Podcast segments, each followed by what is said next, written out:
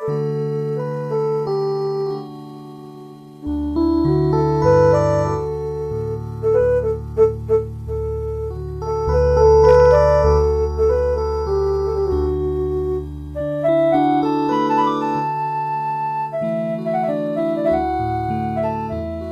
ះវិទ្យុសំឡេងមេត្រីភាពផ្សាយចេញពីវិទ្យុ Adventist ពិភពលោកនាងខ្ញុំ Erica Pha ហើយខ្ញុំចនព្រីស្លីផាសូមគោរព និងស្វាគមន៍ចំពោះអស់លោកលោកស្រី និងប្រិយមិត្តអ្នកស្ដាប់ទាំងអស់ជាទីមេត្រីបងប្អូនលោកអ្នកកំពុងស្ដាប់ដំណឹងល្អពីវិទ្យុសំឡេងមេត្រីភាព ដែលផ្សាយចេញជាភាសាខ្មែរមួយថ្ងៃពីរលើកព្រឹកពីម៉ោង6ដល់ម៉ោង6:30នាទី ពេលល្ងាចពីម៉ោង8ដល់ម៉ោង8:30នាទីយប់តាមរលកធាលអាកាសខ្លី short wave 15150 kHz កម្ពស់19ម៉ែត្រអ្នកស្រីសុនសវណ្ណានឹងជម្រាបជូននៅកម្មវិធីសម្រាប់ថ្ងៃនេះដូចតទៅ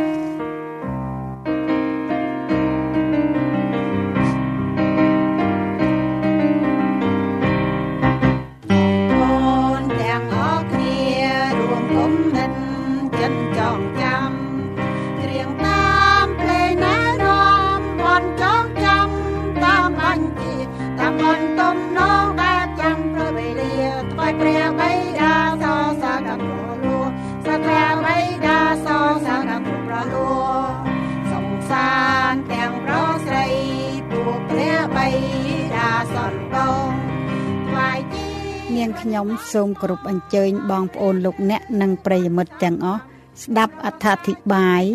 នៃព្រះបន្ទូលព្រះដែលនាំមកដោយលោកគ្រូសនសុផាត សូមអញ្ជើញទទួលសន្ដាប់ដូចតទៅព្រះអង្គម្ចាស់អើយគឺទ្រង់ហើយរស់យើងខ្ញុំបានព្រះអង្គអត់ធំជួយយើងខ្ញុំឲ្យរួចស្ដាប់ហើយទងជាមិនប្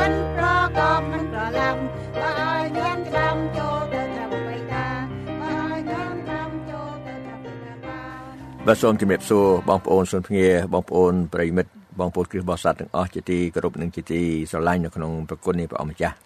ថ្ងៃនេះនៅក្នុងនេតិអត្ថាធិប្បាយនៃព្រះបន្ទូលរបស់ព្រះខ្ញុំសូមលើកយកនៅសំណួរមួយពីបងប្អូនអ្នកស្ដាប់ដែលគាត់បានសូមឲ្យខ្ញុំធ្វើការពន្យល់បន្ថែមនិងធ្វើអត្ថាធិប្បាយនៅលើសំណួរមួយក៏ដូចជាប្រធានបទមួយដែរដែល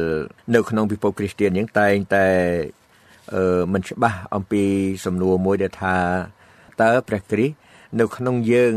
ដែលជឿព្រះអង្គនោះដោយរបៀបណាដែលព្រះយេស៊ូវដែលទ្រង់គង់សន្តិដ្ឋនៅជាមួយនឹងយើងរាល់គ្នាសូម្បីនៅក្នុងការអធិដ្ឋានរបស់បងប្អូនក្តីគឺថាយើងតែងតែគិតថាសូមឲ្យព្រះគ្រីស្ទគង់នៅជាមួយនឹងបងប្អូនទាំងអស់គ្នាតើការអះអាងនេះតើមានន័យយ៉ាងដូចម្ដេចមុននឹងចាប់ផ្ដើមខ្ញុំសូមអញ្ជើញបងប្អូនសុនភ្ងាបានសង្រួមកាយដើម្បីអធិដ្ឋានសូមប្រពោពីព្រះជាម្ចាស់ ព្រះវរបិតាដែលគង់នៅឋានសួគ៌ទូព្រះបង្គំសូមអធិដ្ឋានអរព្រគុណទ្រង់និងសូមយាងព្រះវិញ្ញាណបរិសុទ្ធរបស់ព្រះអង្គ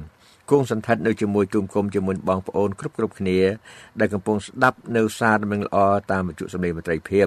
ថ្ងៃនេះអំពីការអត្ថាធិប្បាយទៅលើសំណួរក៏ដូចជាប្រធានបទមួយអំពីព្រះគ្រីស្ទគង់នៅក្នុងយើងរាល់គ្នាគុំគុំសូមអធិដ្ឋានដោយនៅព្រះនាមព្រះអង្គចាស់ព្រះយេស៊ូវគ្រីស្ទអាមែនបងប្អូនលោកអ្នកសំណួរនេះគឺ យើងមើលហាក់ដូចជាងាយជាសាមញ្ញនេះប៉ុន្តែ ជាសំណួរមួយដ៏ល្អមែនទែនពីព្រោះថា នៅក្នុងពិភពអ្នកគ្រីស្ទាននៅក្នុងយើងដែលយើងជឿដល់ព្រះយេស៊ូវដែលយើងថ្វាយខ្លួនថ្វាយចិត្តថ្វាយជីវិតដល់ព្រះយេស៊ូវគឺថាយើងតែងតែលឺបងប្អូនអឺជូនពរគ្នាទៅវិញទៅមកមុនការបែកគ្នាឬក៏នៅក្នុងការទិដ្ឋានក្តីថាសូមអោយព្រះនៃគង់នៅជាមួយបងប្អូនទាំងអស់គ្នា តើនៅក្នុងនេះមានន័យយ៉ាងដូចម្ដេចបងប្អូនលោកអ្នកខ្ញុំសូមអោយបងប្អូនបានវិលត្រឡប់ទៅមើលនៅបទបទបន្ទូលនៅក្នុងគម្ពីរយ៉ូហានជំពូក14បានយើងដឹងថានៃរឿងនោះគឺវាជាប់តាក់ទិនទៅនឹងខ្លឹមសារខ្លះដែលយើងទាំងអស់គ្នាត្រូវយល់ពីព្រោះព្រះជាម្ចាស់ទ្រង់មានផែនការដ៏ល្អណាស់សម្រាប់នឹងប្រទានពរឲ្យយើង នឹងគង់សន្តិដ្ឋជាមួយយើងហើយនឹងប្រទាននូវសេចក្តីសង្គ្រោះដល់យើងទាំងអស់គ្នាផងដែរ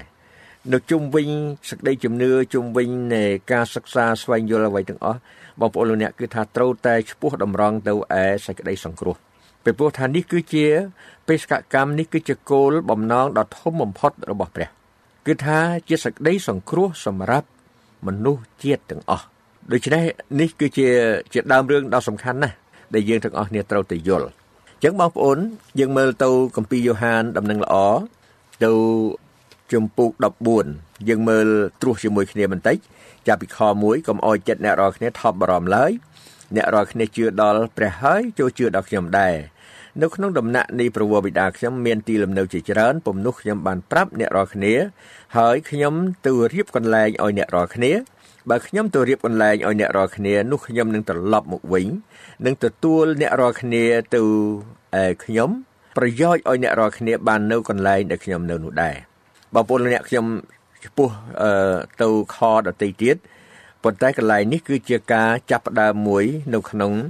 អឺបទនៃអត្ថាធិប្បាយរបស់ខ្ញុំដ៏សង្ខេបខ្លីនេះ គឺថានេះគឺជាព្រឹត្តិការណ៍មួយដែលព្រះយេស៊ូវបានមានព្រះបន្ទូលកំសាន្តចិត្ត ដល់ពួកសិស្សរបស់ព្រះអង្គគឺនៅពេលមុនពេលដែលព្រះអង្គទ្រង់ត្រូវបានលើកឡើងទៅនៅឯនគរឋានសួគ៌ចឹងបានបងប្អូនមើលឃើញកន្លែងនេះគឺព្រះបានកំសាន្តចិត្តផងផ្ដល់ការសន្យាផងថាទ្រង់នឹងទៅរៀបចំកន្លែងកន្លែងបងប្អូននឹងហើយថា លំនៅឋាននៅឯនគរឋានសួគ៌សម្រាប់ពួកអ្នកសុចរិតសម្រាប់ពួកអ្នកដែលព្រះអង្គទ្រង់នឹងលើកគេទៅនៅជាមួយនឹងព្រះអង្គនេះគឺជាជាគោលដៅធំបំផុតរបស់អ្នកគ្រីស្ទាន អ្នកគ្រីស្ទានយើងថាសពថ្ងៃគឺថាបើសិនជាអ្នកនោះស្រឡាញ់ព្រះពិតប្រកបអ្នកនោះពិតជាជឿដល់ព្រះនគរឋានសួគ៌មែនទែនគឺថាគេរងចាំព្រះយេស៊ូវយាងមកជាលើកទី2ដើម្បីនាំគេទៅនៅឯលំនៅឋាននោះដែលព្រះយេស៊ូវបានសន្យាដូច្នេះកន្លែងនេះបងប្អូនទាំងអស់គ្នាត្រូវដឹងថាព្រះយេស៊ូវនឹងត្រូវឃ្លាតឆ្ងាយពីសិស្សរបស់ព្រះអង្គដល់អ្នកដែលជឿព្រះអង្គអ្នកដែលដើរតាមព្រះអង្គគឺទ្រង់ត្រូវឃ្លាតមករយៈ ដើម្បីទៅរៀបចំកន្លែងសម្រាប់អោយពួកអ្នកសុចរិតទៅនៅដែលយើងហៅថានគរឋានសួគ៌នោះឯងបងប្អូនស្ដាប់កន្លែងច្បាស់ណាអានឹងយើងស្ថាបនាគ្រឹះតិចដើម្បីឲ្យយើងយល់ថាណែតើព្រះយេស៊ូវមានព្រះបន្ទូលនេះហើយនឹងបងប្អូនយើងដែលមានសំណួរថាតើព្រះគ្រីស្ទគង់នៅក្នុងយើងរាល់គ្នា Cry in us and we in Christ ណាដោយរបៀបណាបងប្អូនលោកអ្នកមើលមកខទៀតនៅខ6ថា ព្រះយេស៊ូវមានបន្ទូលទៅគាត់ថាខ្ញុំជាផ្លូវជាសេចក្តីពិតហើយជាជីវិតនេះគឺព្រះយេស៊ូវមានព្រះបន្ទូលឆ្លើយទៅថូម៉ាស់ពីព្រោះថូម៉ាស់បានសួរព្រះអង្គថាព្រះអង្គចាស់អើយយើងខ្ញុំមិនដឹងជាទ្រង់យើងទៅណាទេដូច្នេះធ្វើដូចម្ដេចឲ្យយើងខ្ញុំស្គាល់ផ្លូវទៅបានបើព្រះយេស៊ូវមានព្រះបន្ទូលទៅគាត់ថាខ្ញុំជាផ្លូវជាសេចក្តីពិតហើយជាជីវិតបើមិនមកតាមខ្ញុំនោះគ្មានអ្នកណាទៅឯប្រវោបិតាបានឡើយ បងប្អូនឃើញនេះដូច្នេះការនេះគឺជាប់តេតិននឹងការមួយដ៏សំខាន់ណាស់គឺថាមនុស្សអ្នកដែលជឿព្រះដែលជាអ្នកគ្រីស្ទាននោះគឺដែលយើងយកនាមតាមព្រះអង្គព្រះគ្រីស្ទហើយគ្រីស្ទានគឺជាអ្នកដើរតាមព្រះយេស៊ូវនោះគឺថាជាអ្នកដែលជឿច្បាស់ណាស់ថាព្រះយេស៊ូវជាផ្លូវ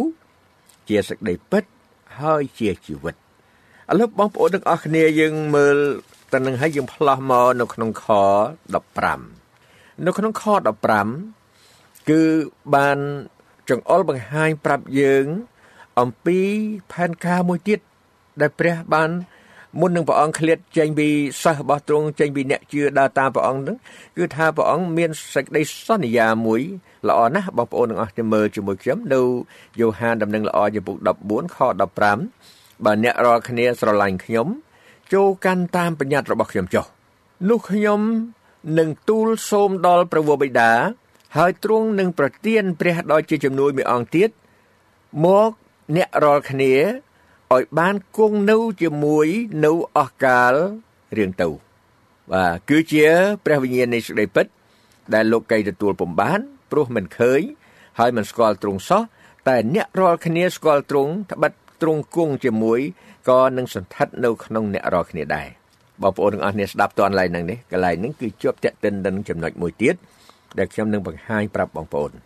ឡូវនេះយើងមើលឃើញកន្លែងនេះត្រឡប់ទៅមើលសំណួររបស់យើងវិញថាតើព្រះគ្រីស្ទដែលគង់នៅជាមួយយើងគង់នៅក្នុងយើងរាល់គ្នានោះមានន័យយ៉ាងដូចម្ដេចឥឡូវនេះព្រះអង្គបានប្រាប់ទៅសិស្សថាទ្រង់ត្រូវឃ្លាតទៅដោយអត់មានកំណត់ទៀតមិនដឹងជារយៈពេលប៉ុណ្ណាទេដូច្នេះរយៈពេលដែលព្រះអង្គឃ្លាតឆ្ងាយទៅគឺជារយៈពេលដែលអ្នកគ្រីស្ទាននៅលើផែនដីនេះកំពុងរងចាំព្រះអង្គយាងមកវិញ គឺការយាងមកជាលើកទី2 the second advent or the second coming of Jesus Christ the Lord ក៏នេះបងប្អូនទាំងអស់គ្នាឃើញទាំងហ្នឹងទេឥឡូវនេះបងប្អូនស្ដាប់អោយតន់នៅក្នុងបទបន្ទូលរបស់ព្រះអង្គមានចំណុចខ្លះដែលយើងត្រូវតែពិចារណាឲ្យល្អិតល្អន់គឺព្រះយេស៊ូវបានមានព្រះបន្ទូល ប្រាប់ដល់សិស្សព្រះអង្គដូចជាដល់យើងរាល់គ្នានៅសពថ្ងៃនេះដែរគឺព្រះអង្គបានប្រើនៅ គេហៅថា conditional form conditional ណាបានដេកថាជាពាក្យជាព្រះបន្ទូលជាលក្ខខណ្ឌជាលក្ខខណ្ឌហ្នឹងគឺថាភាសាខ្មែរយើង គឺចាប់ផ្ដើមបើ ប្រសិនបើណាបើអ្នករាល់គ្នាស្រឡាញ់ខ្ញុំភាសាអង់គ្លេសថា if you love me if ណា if បានន័យថា you can love me or you can not love me or uh, that that two way ដូច្នេះ ពាក្យថា condition ហ្នឹងគឺលក្ខខណ្ឌហ្នឹងបញ្ជាក់ប្រាប់អំពីលក្ខណៈពីរយ៉ាងបើអ្នករាល់គ្នាស្រឡាញ់ខ្ញុំបានស្ដីថាជាសេរីភាពផ្ដល់អុយយើងរាល់គ្នា ថាយើងអាចស្រឡាញ់ព្រះអង្គឬយើងអាចមិនស្រឡាញ់ព្រះអង្គក៏បានប៉ុន្តែនៅក្នុងនេះបានចង្អុលបង្ហាញប្រាប់អំពីអ្វីដែលត្រូវធ្វើ ប្រសិនបើយើងពិតជាស្រឡាញ់ព្រះអង្គបានជាព្រះអង្គមានទូលថាបើអ្នករាល់គ្នាស្រឡាញ់ខ្ញុំ ចូលកាន់តាមបញ្ញត្តិរបស់ខ្ញុំចុះបញ្ញត្តិនោះគឺជាក្រឹតវិន័យ10ប្រការបងប្អូនកុំអោយយើងពិបាកឆ្ងល់ទៅវៀងឆ្ងាយឬក៏យើងនាំគ្នាដើរជៀសបកន្លែងនឹងមួយពីព្រោះកន្លែងនឹងសំខាន់មែនទែនអ្នកណាដែលស្រឡាញ់ព្រះ គឺត្រូវតែថ្វាយបង្គំព្រះឲ្យត្រឹមត្រូវទៅតាមក្បួនច្បាប់ទៅតាមអ្វីដែលព្រះអង្គទ្រង់បានធ្វើគំរូនិងបង្ហាត់បង្រៀនយើងតាមព្រះបន្ទូលរបស់សុតរបស់ព្រះអង្គដូច្នេះយើងមើលឃើញហេតុនេះបានជាក្រឹតវិន័យ10ប្រការ ក្រឹតវិន័យ10ប្រការនៅផ្ទាំងទី1សម្ដែងប្រាប់អំពីសេចក្តីដែលយើងដើរតាមព្រះស្រឡាញ់ព្រះអស់ពីចិត្តពីព្រលឹងពីវិញ្ញាណរបស់យើងនោះណាពីព្រោះអីនៅក្នុងក្រឹតនៃទី1ថាកំអោយមានព្រះនៅឯណានៅចំពោះអញសោះក្រឹតនៃទី2កំអោយឆ្លាក់ធ្វើរូបបីថ្វាយបង្គំក្រឹតនៃទី3កំអោយចេញពនាមរបស់វិជាវាជាសាទការក្រឹតនៃទី4គឺចូលឲ្យនឹកចាំពីថ្ងៃឈប់សម្រាកថ្ងៃសាបាតថ្វាយបង្គំព្រះបងប្អូនស្ដាប់តន់ឡើយនឹងទេ ដូច្នេះទាំង4នឹងហើយដែលយើងឃើញថា ជាសេចក្តីស្រឡាញ់ដ៏អស្ចារ្យដែលនៅក្នុងផ្ទាំងទី1ណាបញ្ជាក់ប្រាប់អំពីកាតព្វកិច្ចរបស់យើងធ្វើម៉េចអ្នកណាដែលស្រឡាញ់ព្រះអង្គចង់នៅ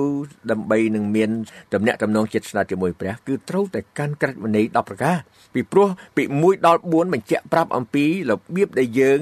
ថ្វាយបង្គំព្រះថ្វាយសេរីល្អដល់ព្រះហើយយើងថ្ងៃណាដែលយើងត្រូវថ្វាយបង្គំព្រះអង្គពិតប្រាកដ បងស្ដាប់តនឡើយហ្នឹងនេះកន្លែងនេះគឺបានបញ្ជាក់ប្រាប់ថាព្រះយេស៊ូវបន្ទាប់ពីព្រះអង្គយាងទៅកាន់នគរឋានសួគ៌វិញគឺព្រះអង្គសពថ្ងៃទ្រង់អត់បានគង់នៅលើផែនដីទៀតទេទ្រង់ចប់បេសកកម្មពេលដែលទ្រង់បានចេញបញ្ជន់ចេញថ្លៃលួសបាបយើងដែលហៅថាជាប្រគុណនោះដែលសគត់នៅលើឈើឆ្កាងមួយដងជាសម្រេចនោះរួចហើយព្រះអង្គមានបញ្ជន់រស់ឡើងវិញបន្ត40ថ្ងៃទៀតនៅធ្វើទីបន្ទាល់នៅជុំវិញនៃក្រវល់ស្រុកនឹងទាំងអស់ ចំពោះអ្នកណាមួយដែលមានចម្ងល់មានការសង្ស័យពីរឿងព្រះអង្គคล้ายคล้ายពីការមានបជនរស់ឡើងវិញណាគឺថា40ថ្ងៃទៀតបានព្រះអង្គយាងទៅនគរឋានសួគ៌ដូច្នេះបន្ទាប់ពីនឹងទៅបានជាព្រះអង្គទ្រង់បានមានព្រះបន្ទូលថាទ្រង់មិនបាននៅជាមួយនឹងសិស្សជាមួយនឹងអ្នកជឿព្រះអង្គជាតទៅទៀតទេក៏ប៉ុន្តែទ្រង់នឹងទូលសូមដល់ព្រះវរបិតាហើយព្រះវរបិតានឹងបញ្ជូនព្រះមេអង្គទៀតជាព្រះ ដ៏ជាជំនួយ ហើយជាព្រះវិញ្ញាណនៃសេចក្តីពិតនេះហើយដែលគេហៅថាព្រះវិញ្ញាណបរិសុទ្ធនៅក្នុងព្រះត្រៃសារណគមឬក៏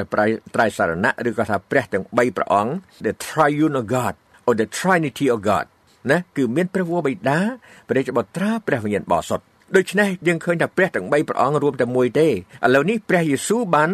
យាងមកកាន់ផែនដីនេះធ្វើគំរូឲ្យយើងហើយទ្រង់ចប់បេសកកម្មដែលចេញថ្លៃលុះបាបយើងដោយយកបជនរបស់ព្រះអង្គទៅទៅដូរជួសនឹងថ្លៃលុះបាបរួចហើយព្រះអង្គទ្រង់យាងទៅនគរឋានសួគ៌រៀបចំកន្លែងឲ្យយើងរាល់គ្នាឥឡូវនេះយើងទាំងអស់គ្នាអ្នកដែលជឿដល់ព្រះយេស៊ូវអ្នកណាមួយដែលជឿដល់ព្រះយេស៊ូវអ្នកនោះគឺត្រូវតែទទួលយកព្រះវិញ្ញាណបរិសុទ្ធ ព្រះវិញ្ញាណបរិសុទ្ធនេះមិនមែនមកទុំនៅជាមួយយើងមកមកដល់មកចូលមកលុកលុយណែឬក៏មកដល់តាំងទីនៅក្នុងចិត្តនៅក្នុងជីវិតរបស់យើងមិនមែនទេគឺបញ្ជាក់ប្រាប់ច្បាស់លាស់ណាកន្លែងនេះបើអ្នករាល់គ្នាស្រឡាញ់ខ្ញុំបើអ្នករាល់គ្នាស្រឡាញ់ព្រះយេស៊ូវចូលកាន់តាមបញ្ញត្តិរបស់ទ្រង់គឺក្រឹតនៃ10ប្រការនោះទ្រង់នឹងទូលសូមដល់ព្រះវរបិតា ហើយព្រះវរបិតាទ្រង់នឹងប្រទានជំនួយព្រះដល់ជំនួយមួយអង្គទៀតមកអ្នករាល់គ្នាឲ្យបានគង់នៅជាមួយនៅអកលតរៀងទៅនៅបន្ទាប់ពីព្រះយេស៊ូវបានយាងត្រឡប់ទៅកាន់នគរឋានសួគ៌វិញព្រះអង្គបានមានគម្រោងផែនការនឹងបញ្ជូននៅព្រះមួយអង្គទៀតគឺព្រះវិញ្ញាណបរិសុទ្ធបងប្អូនទាំងអស់គ្នាឃើញទេទាំងនឹងដែលខ្ញុំសូមឲ្យបងប្អូនយើងយល់ថាបើសិនជាយើងគិតថាណែសូមឲ្យព្រះគង់នៅជាមួយយើង គឺព្រះដែលគង់នៅជាមួយយើងសប្តាហ៍ថ្ងៃគឺព្រះវិញ្ញាណបរិសុទ្ធ ព្រោះព្រះវិញ្ញាណបរិសុទ្ធនេះគឺថាមានអំណាចចេស្តាសពបែបយ៉ាងទាំងអស់ព្រះវិញ្ញាណបរិសុទ្ធគឺជាព្រះមួយអង្គដែលជាព្រះនិពន្ធនាយកនៃក្នុងព្រះគម្ពីរបរិសុទ្ធទាំងមូល គឺព្រះអង្គនោះហើយដែលបានបណ្ដាលចិត្តបានផ្ដល់នៅគំនិតដល់ពួកអ្នកហោរាទាំងឡាយឲ្យសរសេរព្រះគម្ពីររបស់ព្រះអង្គឡើង គឺថាព្រះគម្ពីរបរិសុទ្ធនេះគឺជា លទ្ធផលនៃព្រះវិញ្ញាណបរិសុទ្ធដែលទ្រង់បណ្ដាលចិត្តឲ្យពួកអ្នកដែលបរិសុទ្ធរបស់ព្រះដែលគេហៅថាពួកហោរានោះបានសរសេរចងក្រងទុកមកឥឡូវចឹងបានបងប្អូនទាំងអស់នេះស្ដាប់តើនេះបើបងប្អូនធ្លាប់ជូនពរអ្នកទៅវិញមកថាសូមឲ្យព្រះគង់នៅជាមួយសូមឲ្យនៃព្រះយេស៊ូវគ្រីស្ទគង់នៅជាមួយបងប្អូនទាំងអស់គ្នាប៉ុន្តែលោកសាវកប៉ុលគាត់និយាយច្បាស់ណាស់ថាសូមឲ្យប្រគុណនៃព្រះអម្ចាស់យេស៊ូវគ្រីស្ទគង់នៅជាមួយអ្នករាល់គ្នាប្រទានពរដល់អ្នករាល់គ្នា ឥឡូវបងប្អូនទាំងអស់គ្នាយើងពិចារណាមើលបើសិនជាយើងសង្ឃឹមថាយើងគិតថាយើងដើរតាមព្រះយេស៊ូវព្រះយេស៊ូវបានមានព្រះបន្ទូលចង្អុលបង្ហាញមួយទៀតថាឲ្យយើងទទួលយកព្រះវិញ្ញាណបរិសុទ្ធទទួលព្រះមានបរិសុទ្ធនេះដោយសារអីបងប្អូនទាំងអស់គ្នាគឺដោយសារដែលយើងថ្វាយបង្គំព្រះបានត្រឹមត្រូវទៅតាមសេចក្តីបង្រៀនទៅតាមគំរូរបស់ព្រះអង្គឥឡូវយើងមានសំណួរមួយទៀតសួរបន្តទៅពីនឹងទេថាតើយើងធ្វើដូចម្ដេច ដើម្បីឲ្យព្រះវិញ្ញាណគង់នៅជាមួយយើងបានឥឡូវបើសិនជាព្រះយេស៊ូវព្រះអង្គយាងទៅកាន់នគរឋានសួគ៌វិញសពថ្ងៃនេះយើងមានព្រះមួយអង្គទៀតគឺជាព្រះជំនួយបងប្អូនទាំងអស់នេះបើយើងត្រឡប់ទៅមើលខ្លឹមសារនៅក្នុងនៃកាពីអេសាយពុក9ខ6ដែលចែកអំពីព្រះយេស៊ូវដែលព្រះអង្គទ្រង់ជា ព្រះនិបត្តិទំនាយដែលទ្រង់ត្រូវយាងមកផែនដីនេះយើងឃើញថាព្រះនាមរបស់ព្រះអង្គនោះអស្ចារ្យមែនទែនដែលមានអត្តន័យខ្លឹមសារនោះអស្ចារ្យសម្បើមណាស់ដែលយើងទាំងអស់គ្នាត្រូវស្គាល់ព្រះអង្គដែរបើព្រះអង្គគង់នៅជាមួយយើងឬយើងនឹងត្រូវការព្រះអង្គគង់នៅជាមួយយើងនោះគឺយើងត្រូវមានលក្ខណៈមួយចំនួនដែរ បងប្អូនមើលទៅអេសាយចំពោះ9ខ6ត្បិតមានបុតមួយកើតដល់យើងព្រះទ្រង់ប្រទានបុត្រាមួយមកយើងហើយឯការគ្រប់គ្រងនឹងនៅលើស្មារបស់បុតនោះហើយគេនឹងហៅព្រះនាមទ្រង់ថាព្រះដ៏ជួយគំនិតយ៉ាងអស្ចារ្យព្រះដ៏មានបចេស្តាព្រះវរបិតាដ៏គង់នៅអស់កលនឹងជាអម្ចាស់នៃមេត្រីភាពបាញ់មិញយើងមើលឃើញព្រះយេស៊ូវបានមានព្រះបន្ទូលនៅគម្ពីរយ៉ូហានចំពុក14ខ15 16ថាព្រះ ដ៏ជួយណាដ៏ដ៏ជាព្រះជំនួយមួយអង្គទៀតនោះខ្ញុំនឹងទូលសូមដល់ព្រះបិតាហើយទ្រង់នឹងប្រទានព្រះដ៏ជំនួយមួយអង្គទៀតដូច្នេះយើងមើលឃើញថាព្រះយេស៊ូវមានចំណែកនៅក្នុងលក្ខណៈនៃព្រះទាំង3ព្រះអង្គតែម្ដងចឹងបានថាដល់ពេលព្រះយេស៊ូវបានយាងទៅនគរឋានសួគ៌ព្រះអង្គទ្រង់សូមឲ្យព្រះវរបិតាចាត់នៅព្រះវិញ្ញាណបរិសុទ្ធមកគង់ជាមួយយើងលោកខ្ញុំខ្ញុំចង់បង្ហាញប្រាប់បងប្អូនយើងថាតើធ្វើដូចម្ដេចដើម្បីឲ្យយើង មានព្រះវិញ្ញាណបរិសុទ្ធហើយព្រះវិញ្ញាណបរិសុទ្ធអាចនឹងគង់នៅជាមួយយើងបានឥឡូវបងប្អូនស្ដាប់តើនេះថាសូមឲ្យព្រះសូមឲ្យព្រះគង់នៅជាមួយអ្នករាល់គ្នាគឺភាកច្រើនបងប្អូនយើងថាសូមឲ្យព្រះគង់នៅជាមួយប៉ុន្តែយើងមិនដឹងច្បាស់ថាព្រះមួយណាប៉ុន្តែឥឡូវនេះយើងច្បាស់ទេបងប្អូនសូមឲ្យព្រះគង់ជាមួយយើងរាល់គ្នាជាមួយបងប្អូននោះគឺព្រះវិញ្ញាណបរិសុទ្ធដូច្នេះព្រះវិញ្ញាណបរិសុទ្ធគឺថាមានលក្ខណៈដ៏សំខាន់ណាស់សម្រាប់ជួយយើង ជួយដឹកនាំធ្វើជាមគ្គុទ្ទេសក៍ ដឹកនាំយើងរាល់គ្នាឲ្យយើងមានអំណាចចេស្តានៅក្នុងគ្រប់កិច្ចការទាំងអស់អំពីព្រះខ្ញុំសូមលើកចំណុច3ជូនបងប្អូនទាំងអស់ថាប្រសិនបើបងប្អូនចង់បានព្រះវិញ្ញាណបរិសុទ្ធរបស់ព្រះអង្គគង់នៅជាមួយគឺយើងត្រូវមានលក្ខណៈ3យ៉ាងលក្ខណៈ3យ៉ាងនេះគឺជាព្រះបន្ទូលរបស់ព្រះគឺមិនមែនជាមតិរបស់ខ្ញុំគ្រាន់តែខ្ញុំមើលឃើញថាចំណុចនោះសំខាន់សម្រាប់យើងទាំងអស់គ្នាត្រូវដឹងអឺ លក្ខណៈទី1គឺយើងរក្សាក្រឹតនៃ10ប្រការរបស់ព្រះអង្គដែលយើងបានពិភាក្សាជាមួយគ្នាមិញមិញហើយនៅយ៉ូហានចំពុក14ខ15 16 17ណាបើអ្នករាល់គ្នាស្រឡាញ់ខ្ញុំចូលកាន់តាមបញ្ញត្តិរបស់ខ្ញុំចុះនោះខ្ញុំនឹងទូលសូមដល់ព្រះបិតាហើយទ្រង់នឹងប្រទានព្រះដ៏ជំនួយមួយអង្គទៀតមកអ្នករាល់គ្នាឲ្យបានគង់នៅជាមួយនៅអស់កាលរៀងទៅកន្លែងនេះបងប្អូនពិចារណាមើលមែនទេ គឺថាសេចក្តីសន្យារបស់ព្រះយេស៊ូវបើអ្នកណាកាន់ក្រៅនៃ10ប្រការហើយប៉ុន្តែសេចក្តីសន្យាថានឹងស្ទូលសូមដល់ព្រះបិតាឲ្យបញ្ជូនព្រះមួយអង្គទៀតឥឡូវព្រះមួយអង្គទៀតហ្នឹងគឺថានឹងមកហើយប៉ុន្តែព្រះអង្គក៏មិនមែនមកបង្ខំយើងដែរប៉ុន្តែមានលក្ខណៈចាំបាច់សម្រាប់ឲ្យយើងទាំងអស់គ្នាដូចជារៀបចំកន្លែងសម្រាប់ព្រះអង្គគង់ស្ថិតនៅជាមួយយើងដែរ បងប្អូនលោកអ្នកមាននឹកចាំនៅចំណុចទី2ខ្ញុំចង់និយាយអំពីពិធីបុណ្យជ្រមុជជ្រមុជទឹកប៉ុន្តែនេះគេហៅពិធីបុណ្យជ្រមុជនៃព្រះវិញ្ញាណបរិសុទ្ធ The baptism of the Holy Spirit baptism of the Holy Spirit បងប្អូនមានមានពេលមើលទៅមានកន្លែង2អឺកន្លែងមួយនៅក្នុងកាពីម៉ាថាយចំពុក3 នៅពេលដែលលោកយ៉ូហានម៉ាទីសបានប្រកាសថាព្រះអង្គដែលយាងមកក្រោយគាត់នោះមានអំណាចជាស្ដានណាស់នោះព្រះអង្គនោះនឹងធ្វើពិធីបុណ្យជ្រមុជឲ្យអ្នករាល់គ្នាដោយ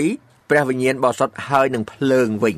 នោះហើយគេដែលគេហៅថា the baptism of Jesus Christ ណា the baptism of uh, of the Lord Jesus Christ គឺជាពិធីបុណ្យជ្រមុជនៃព្រះអង្គម្ចាស់យេស៊ូវគ្រីស្ទមួយទៀតការនោះលោកសាវកប៉ុលបានលើកមកបញ្ជាក់ម្ដងទៀតនៅក្នុងគម្ពីរកិច្ចការចំពុក19 នៃកិច្ចការចំពុក19គឺថាមានអឺលក្ខណៈមួយទៀតនៅក្នុងការដែលយើងរៀបចំទទួលនៅព្រះវិញ្ញាណបរិសុទ្ធនោះបងប្អូនលោកអ្នកមើលជាមួយខ្ញុំពី3ខនៅកិច្ចការពួកសាវកចំពុក19ខ1កំពុងដែលអាប៉ូឡូសនៅក្រុងកូរិនថូសនោះ ប៉ុលបានដើរកាត់អស់ទាំងស្រុកខាងលើ រហូតដល់ក្រុងអេពីសូកាលគាត់រកឃើញសិស្សខ្លះនោះក៏សួរថាចាប់តាំងពីអ្នករាល់គ្នាជឿមកតើបានទទួលព្រះវិញ្ញាណបរិសុទ្ធហើយឬនៅគេឆ្លើយថាយើងខ្ញុំមិនបានទាំងឮនិយាយពីព្រះវិញ្ញាណបរិសុទ្ធផងគាត់សួរគេទៀតថាដូច្នេះតើអ្នករាល់គ្នាបានទទួលបន់ជាមួយទឹកដោយនៅអ្វីគេឆ្លើយថាគឺដោយនៅបន់ជាមួយរបស់លោកយ៉ូហានទេ រួចប៉ុលនិយាយថាលោកយ៉ូហានបានធ្វើបន់ជាមួយទឹក ពីដំណើរការប្រែចិត្តទាំងប្រាប់ពួកជនឲ្យជឿដល់ព្រះអង្គដែលយាងមកក្រោយលោកវិញ គឺដល់ព្រះយេស៊ូវគ្រីស្ទកាលបានឮដូច្នោះហើយនោះគេក៏ទទួលបន់ជាមួយទឹកដោយនៅព្រះនាមព្រះអម្ចាស់យេស៊ូវវិញ រួចប៉ុលដាក់ដៃលើគេហើយព្រះវិញ្ញាណបរិសុទ្ធបានមកសន្តិដ្ឋលើគេ នោះគេចាប់តាំងនិយាយភាសាដទៃហើយអធិប្បាយផង នេះខ្ញុំគ្រាន់តែលើកសង្ខេបខ្លីជូនបងប្អូនថានេះគឺគឺជាលក្ខណៈមួយទៀតដែលបញ្ជាក់ប្រាប់ថាព្រះវិញ្ញាណបរិសុទ្ធអាចគង់នៅជាមួយនៅពេលនេះគឺថាលោកប៉ុលបានទៅអធិដ្ឋានដាក់ដៃឲ្យពួកគេណែឲ្យគេទាំងអស់គ្នាទទួលយកនៅការគង់ស្ថិតនៃព្រះវិញ្ញាណបរិសុទ្ធបងស្ដាប់តនឡើយនឹងទេដូច្នេះ baptism មានពីរពិធីបុណ្យជាមួយទឹកមានពីរមួយគឺ baptism of repentance នេះគឺការពិធីបុណ្យជាមួយទឹកនៅនៅការប្រែចិត្ត របស់លោកយ៉ូហានបាទីសមួយទៀតគឺពិធីបុណ្យជាមួយទឹកពិធីបុណ្យជាមួយនៃព្រះវិញ្ញាណបរិសុទ្ធឬក៏ពិធីបុណ្យជាមួយរបស់ព្រះយេស៊ូវនេះហើយដែលយើងឃើញថាពួកយើងដែលអ្នកដែលជឿព្រះគឺដើម្បីព្រះវិញ្ញាណបរិសុទ្ធគង់ជាមួយគឺយើងត្រូវមានលក្ខណៈនឹងឯងចំណុចទី3ខ្ញុំលើកមកត្រួសត្រាសជូនបងប្អូន គឺថាព្រះវិហាររបស់ព្រះអង្គគឺ នៅក្នុងព្រះគម្ពីរកូរិនថូសខ្សែទី1លោកសាវកប៉ុលបានលើកបញ្ជាក់ច្បាស់ប្រាប់ពួកក្រុងកូរិនថូសថាព្រះវិញ្ញាណបរិសុទ្ធនឹងគឺថា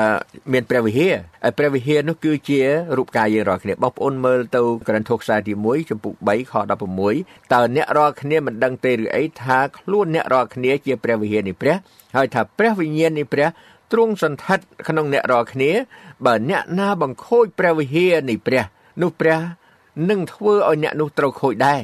ត្បិតព្រះវិហារនៃព្រះជាវត្ថុដ៏បរិសុទ្ធគឺជាខ្លួនអ្នករាល់គ្នានេះឯងបងប្អូនលោកអ្នកឃើញកន្លែងនេះទេយើងត្រូវតែសម្អាតរាងកាយរបស់យើង នៅក្នុងនេះបងប្អូនទាំងអស់គ្នា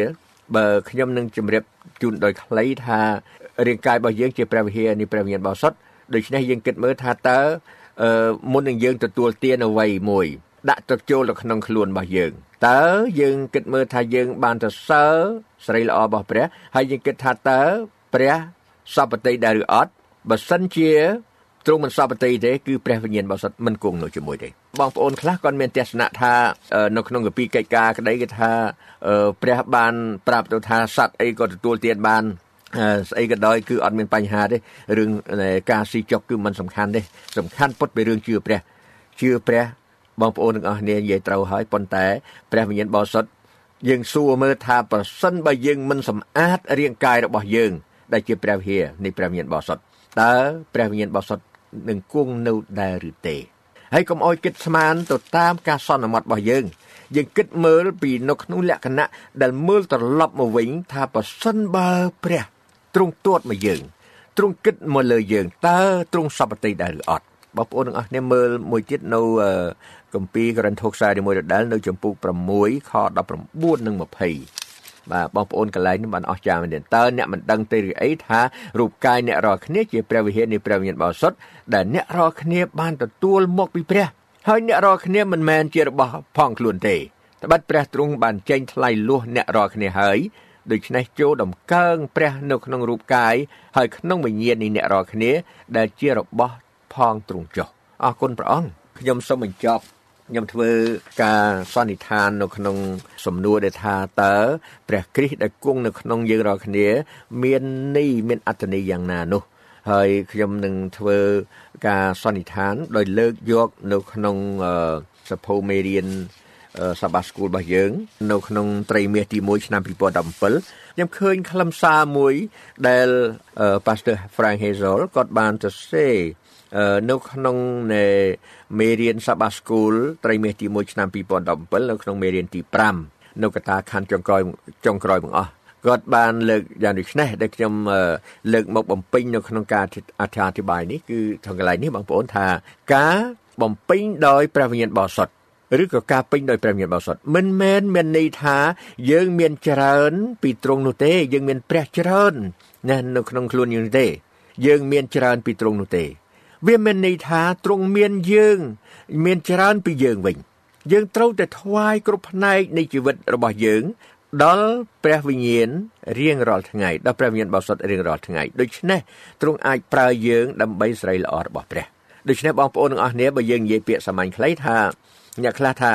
ខ្ញុំមានព្រះប៉ុន្តែយើងសួរទៅវិញថាតើព្រះគិតថាទ្រង់មានយើងដែរឬអត់នៅក្នុងនឹងគឺថាការសន្និដ្ឋានមួយទៀតរបស់អ្នកស្រី Ellen G. White គាត់បានមានប្រសាសន៍ជាថាខ្ញុំប្រាថ្នានឹងជួយឲ្យអ្នករាល់គ្នាយល់ថាអស់អ្នកដែលមានព្រះយេស៊ូវនៅក្នុងចិត្តតាមរយៈសេចក្តីជំនឿនោះ បានទទួលព្រះវិញ្ញាណបរិសុទ្ធរាល់មនុស្សដែលទទួលព្រះយេស៊ូវជាព្រះអង្គសង្គ្រោះផ្ទាល់របស់គេ នោះក៏ទទួលព្រះវិញ្ញាណបរិសុទ្ធផងដែរព្រះវិញ្ញាណបរិសុទ្ធនឹងធ្វើជាមគ្គុទេសដល់អ្នកដែលជឿម្នាក់ម្នាក់ទ្រង់នឹងធ្វើឲ្យមនុស្សនោះបរិសុទ្ធ ហើយទ្រង់នឹងធ្វើទីបន្ទាល់អំពីព្រះដល់គេអរគុណព្រះអង្គសូមព្រះយាមចាស់ប្រទានពរបងប្អូនទាំងអស់គ្នាជាបរិបូរអាមែន